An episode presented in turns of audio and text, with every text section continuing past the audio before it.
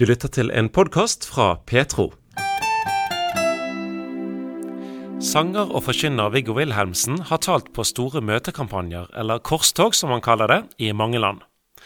Motivasjonen til å dele gudstroen sin med flest mulig kommer bl.a. fra en opplevelse som reddet han fra et selvmordsforsøk som ung sjømann i 1970. Viggo Wilhelmsen er oppvokst på Tjøme utenfor Tønsberg. Mor og far var ledere i bedehuset der, og og sto på. og Jeg ble født siste året før krigen var slutt, men vokste opp da i kjærlighet og omsorg på mange måter. Men du vet at eh, det var en tid hvor pietismen sto veldig høyt, og man skulle ikke gjøre så mye rart før det var feil, og du fikk litt ris og, og husarrest. Så, eh, men jeg vokste opp i kjærlighet helt til jeg var 12-13 år. Så var det noe som gjorde at jeg fikk noe imot det her som hadde med Gud å gjøre, og det som hadde med himmelen å gjøre. Og det var at jeg fikk så mye ris. For eh, det å gå på kino fikk jeg ris, og så spilte jeg kort, og så fikk jeg ris, og så var det ene og det andre, og så fikk jeg ris. Og jeg tenkte at nei, det her gidder jeg ikke. Så jeg slutta da å gå på søndagsskole og hadde ikke noe mer med dette jaget som jeg følte å gjøre. Jeg måtte prestere hele tiden. Og alt jeg gjorde, var mer eller mindre galt, så jeg fikk et veldig lavt selvbilde. Opplevde at jeg dugde ikke, strakk ikke til. Og på den måten så mista jeg interessen for det som hadde med barnetroa mi å gjøre. Og begynte å gjøre andre ting som var mer naturlig for en gutt. Og gjorde det kameratene mine gjorde, og gjorde ting. Men det var jo helt feil i deres øyne. For på bedehuset der ute så var det jo restriksjoner på alt. Man skulle liksom ikke bevege seg utenom sirkelen, for da blei det konsekvenser. Og, og de fikk jeg smake, da. Men eh, jeg hadde jo, hadde jo, på mange måter en god oppvekst, men det blei så feil. Fordi de var glad i meg, men oppdragelsen blei på en feil måte. Jeg blei trassig og opprør istedenfor at jeg ville følge den troa de hadde gitt meg. Og dette skulle føre deg eh, egentlig lenger og lenger vekk fra Gud. Men du fikk tatt en utdannelse, og du, eh, du sto på likevel, men du kom borti mange feile valg, har du sagt seinere, mye rart. Ja, det blei mye feil valg. For det at, eh, at, eh, når du mister hva skal jeg si for noe, retningslinja for livet, og kursen for livet ditt, så blir det tilfeldighetene som råder mye. Og du gjør ting du ikke skjønte konsekvensen av, men som møtte meg plutselig i døra senere i livet. Og eh, jeg var jo du kan si at jeg var jo opptatt av én ting, for jeg vokste opp i et, et fattig hjem, egentlig. Det, det var ikke mye å rutte med der. Jeg arva jo klærne og måtte gå og klærne, og så ble jeg sydd opp etter, etter søstera mi. Og det var ikke noe gøy å gå med hofteholder og strømpeholder. Det var ikke noe moro. Eh, men sånn var det, da. At jeg måtte gå i mye av dette. Men eh, det var jo usynlig. Men det synlige var jo at jeg hadde det, hadde det trist, jeg hadde det vanskelig. Og på den måten så bestemte jeg meg for jeg vil ikke ha det sånn når jeg blir stor. Jeg vil lage noe som jeg kan leve av på en god måte, og ikke ha den herre Eh, knappheten rundt meg hele tida. Så jeg har bestemt meg for For både far og bestefar og onkler og alt var jo sjømenn. Og de hadde jo fått seg posisjoner og, og titler og gullstriper, mer eller mindre alle sammen. Men eh, det hjalp jo ikke meg noe, det. Eh, så jeg, etter hvert så fikk jeg det vondt. For fordi jeg hadde liksom ikke noe han å holde i. Selv om mamma og pappa var glad i meg, så hadde jeg ikke den nærheten til dem. At jeg tillot dem å være med og stake veien videre for meg. Etter å ha utdannet seg som rørlegger, dro Viggo som 18-åring til sjøs for å jobbe. Men det å begynne på sjølivet, det var jo ikke noe lettere vei enn der jeg levde hjemme. For der kosta jo flaske gin 11 kroner, ikke sant? Og alt det som fulgte med der, og bannskap og alt det her, det, det, det gjorde meg enda mørkere til sinns. Jeg følte at jeg hadde det enda verre. Og det balla bare på seg. Og for å gjøre en lang historie kort, da, for vi har ikke så god tid Når jeg var 25 år, da, jeg, da begynte jeg på, på maskinistskolen. Jeg fikk meg en utdannelse. Jeg tok annenmaskinistskolen og førstemaskinistskolen. Og begynte da å reise som annenmaskinist etter hvert, og førstemaskinist etter noen år. Og, eh, og, var fornøyd med det. Men du vet at det, innvendig så hjalp ikke gullstripene noen ting. Der var det kaos, der var det storm. Og kom så langt når jeg var 25 år, så sitter jeg nede i maskinrommet. Jeg har blitt førstemaskinist, da. Og sitter nede på vakta mi, som var fra fire til åtte om morgenen, og bestemmer meg for at nei, nå må jeg gjøre noe med livet mitt. Og da går hele dagen. Og jeg jo arbeids, var jo arbeidsleder i maskin, da, fordi at førstemaskin er liksom den som skal overvåke arbeidet som foregår i maskinrommet. Og eh, jeg går fire-åttevakta mi på kvelden. Og, og, da bestemmer jeg meg for at nei, nå orker jeg ikke mer. Nå hopper jeg. Nå tar jeg livet mitt. Jeg greier ikke mer. Da var alt svart. Full av depresjon og frykt. Og det, det var så vondt og vanskelig. Og det var jo mine feile valg som hadde brakt meg dit. Mamma og pappa var så fortvila, for de var jo glad i meg. Men de skjønte ikke det at uh, søstera mi hun gikk jo lettvint rett igjennom og fulgte Jesus hele veien. Men jeg var en annen karakter, en annen personlighet. Jeg trengte en annen stimulans. Uh, fordi at jeg var gutt, og så var det Alle er ikke like. Vi kan ikke be, behandle alle likt. Så Derfor så gikk det galt for meg. Og Så var det en kveld, da, i 6. januar 1970, klokka ni om kvelden, som jeg kommer opp fra vakta klokka åtte og bestemmer meg for å hoppe. Og da setter jeg meg ned på kontoret mitt i, på, i lugaren. Og så skriver jeg brev til mamma og pappa at nå orker jeg ikke mer. Jeg har møtt veggen. Det er så svart, det er så ille, det er så vanskelig. Kan dere tilgi meg for all sorg og smerte jeg har tilført dere? Og dette er ikke deres feil, det er et valg jeg tar, for jeg orker ikke å leve lenger. Det er rett og slett veggen som stopper meg. Så la jeg det i en konvolutt og la det da til eh, kaptein, og adressert da til mine foreldre, da, som han visste adressa til. Og så går jeg ut, eh, låser faktisk døra til lugaren. Hvorfor jeg gjorde det, det vet jeg ikke. Jeg går helt fram til bakken, altså baugen på båten, og det er full storm forferdelig vær. Og det, det uler i ryggen, og sjøen slår skuta fra side til side. Og vi er på vei fra Bremen over til Philadelphia, Boston, på østkysten av statene, med folkevogner. Vi hadde da kontrakt med folkevogner eh, eh, med å frakte det over, da. Og så hadde vi korn og køll tilbake. Og da, når du har folkevogner, så ligger du veldig høyt oppe i sjøen, så skuta den velta veldig fra side til side. Og så går jeg bort til rekka, og så legger jeg ben over rekka. Og så tenkte jeg nå, nå, nå skal det bli deilig å få slutt på det hele. For jeg tenkte ikke på noe himmel. Jeg tenkte ikke på noe Gud.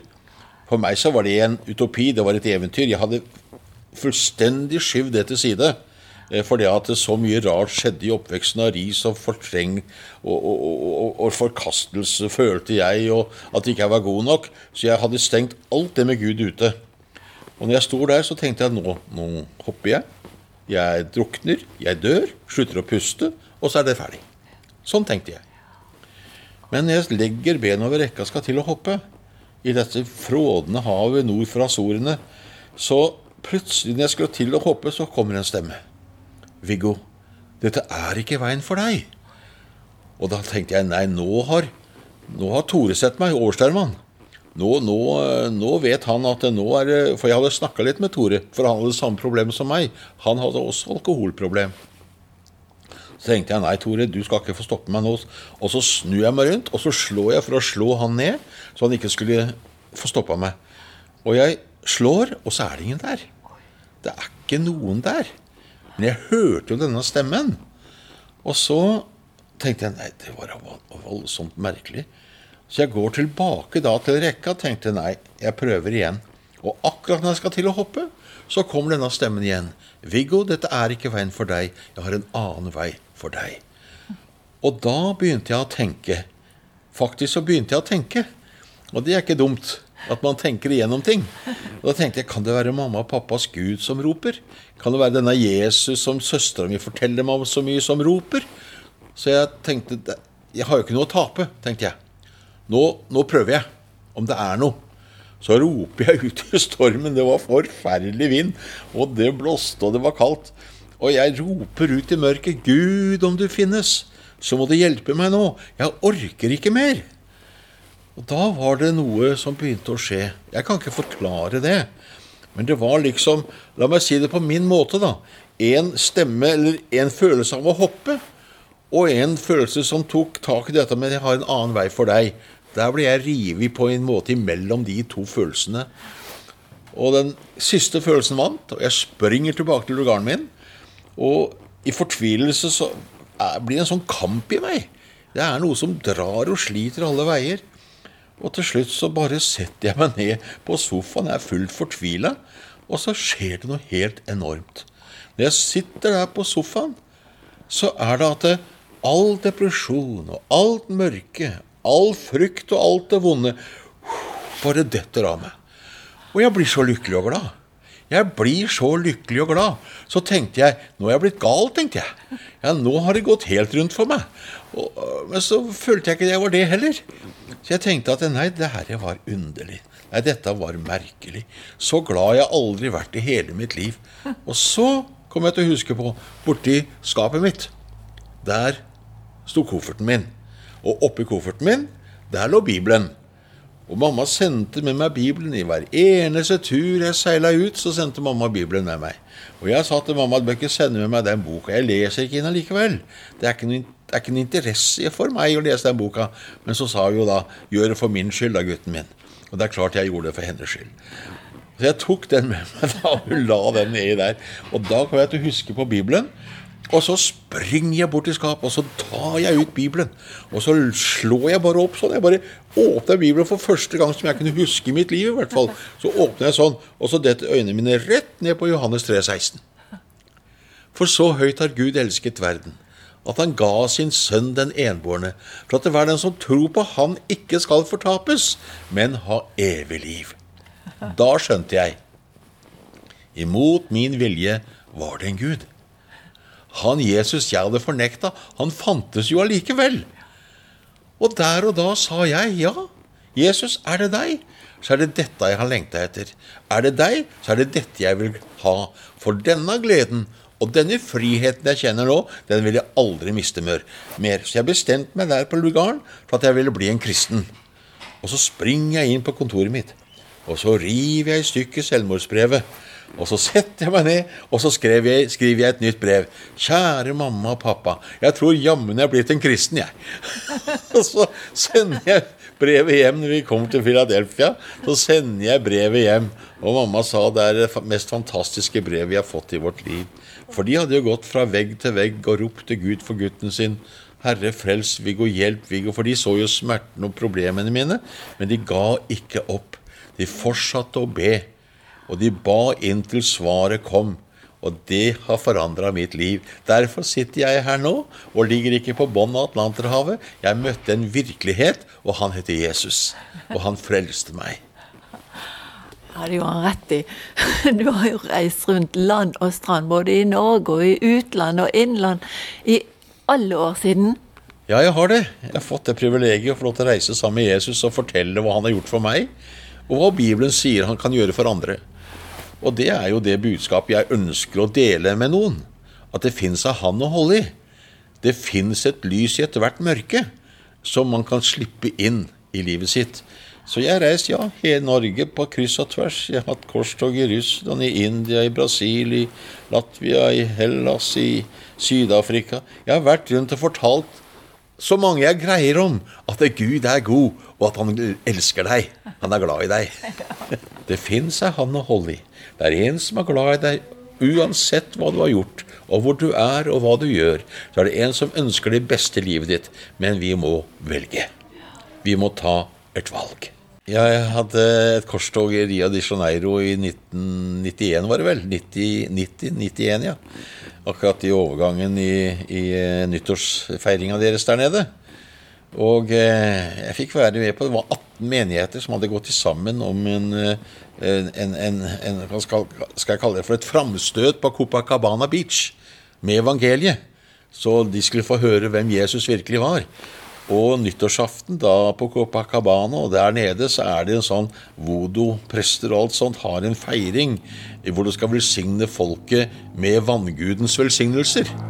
Og der var det på titusener av mennesker som hadde kledd seg i hvitt og satt der med familiene sine rundt et uh, hull i bakken hvor de tømte brennevin nedi. Og så satt de der og på en måte søkte vanngudens gunst.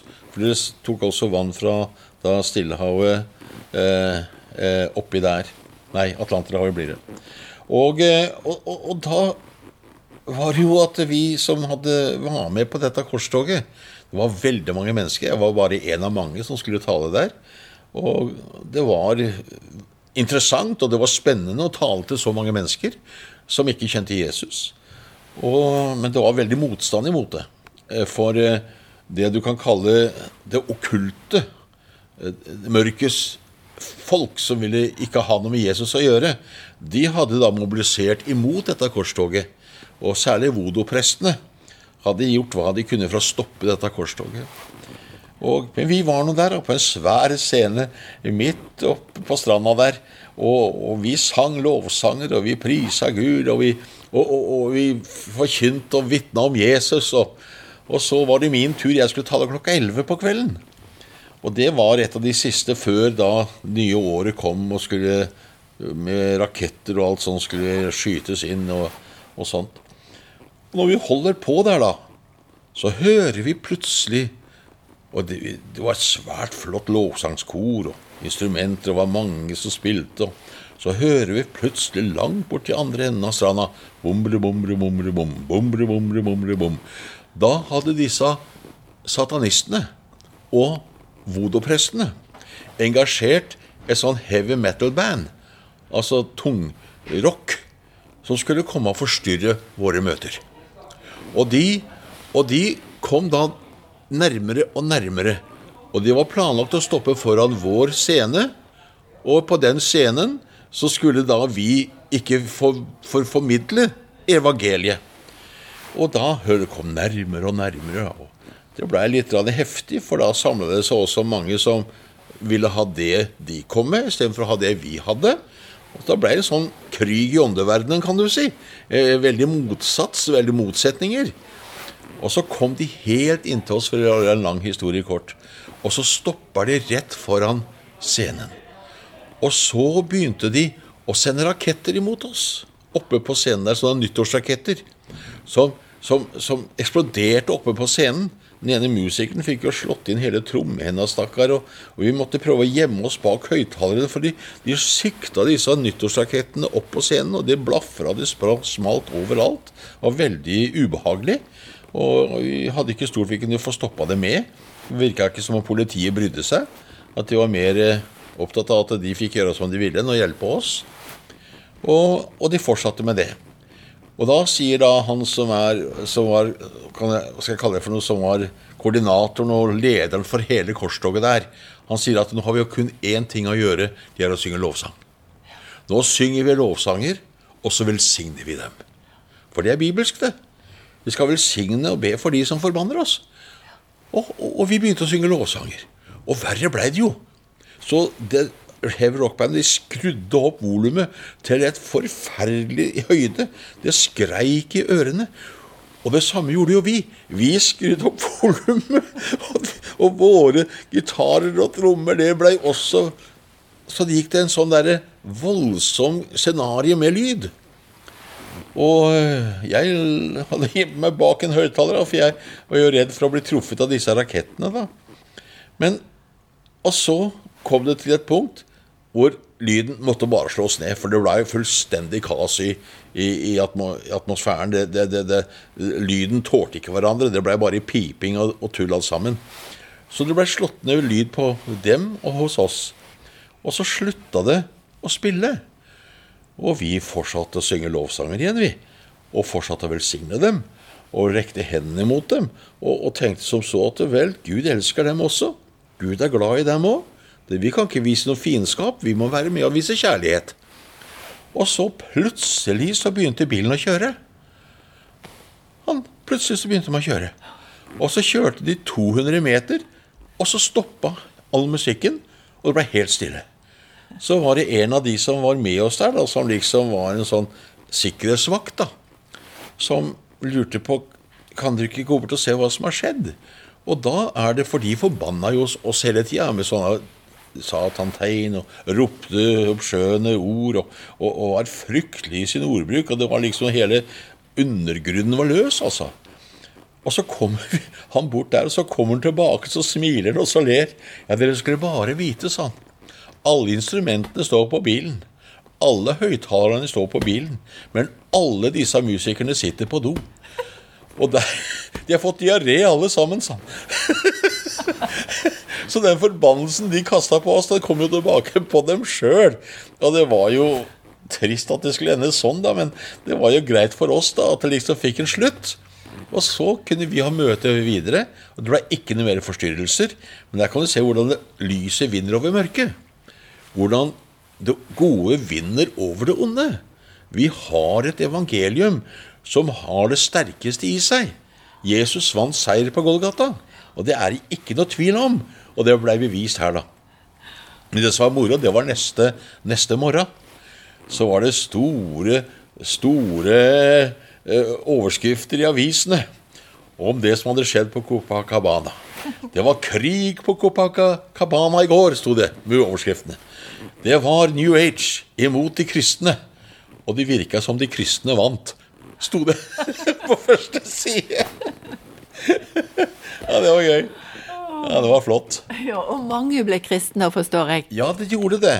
Vi hadde et sånt telt som de som ønska å ha nærmere samtaler om Jesus, kunne gå inn i det teltet og, og snakke. Og vi hadde mange veiledere. Vi hadde mange som hadde forberedt seg på å ta seg av folk. Og så langt jeg har hørt, da Jeg har ikke noe annet tall enn det jeg har hørt. Men fra vi begynte der ved tre-fire-tiden på kvelden og inntil vi stoppa ved ett-to-tida om natta, så blei det meg fortalt at de hadde kort, veilederkort på 5000 som hadde sagt ja til å følge Jesus. Og det var jo flott. Det var moro å være med på som en del av det. Det var veldig moro. Det glemmer jeg aldri. Nei. Du har hørt en podkast fra Petro.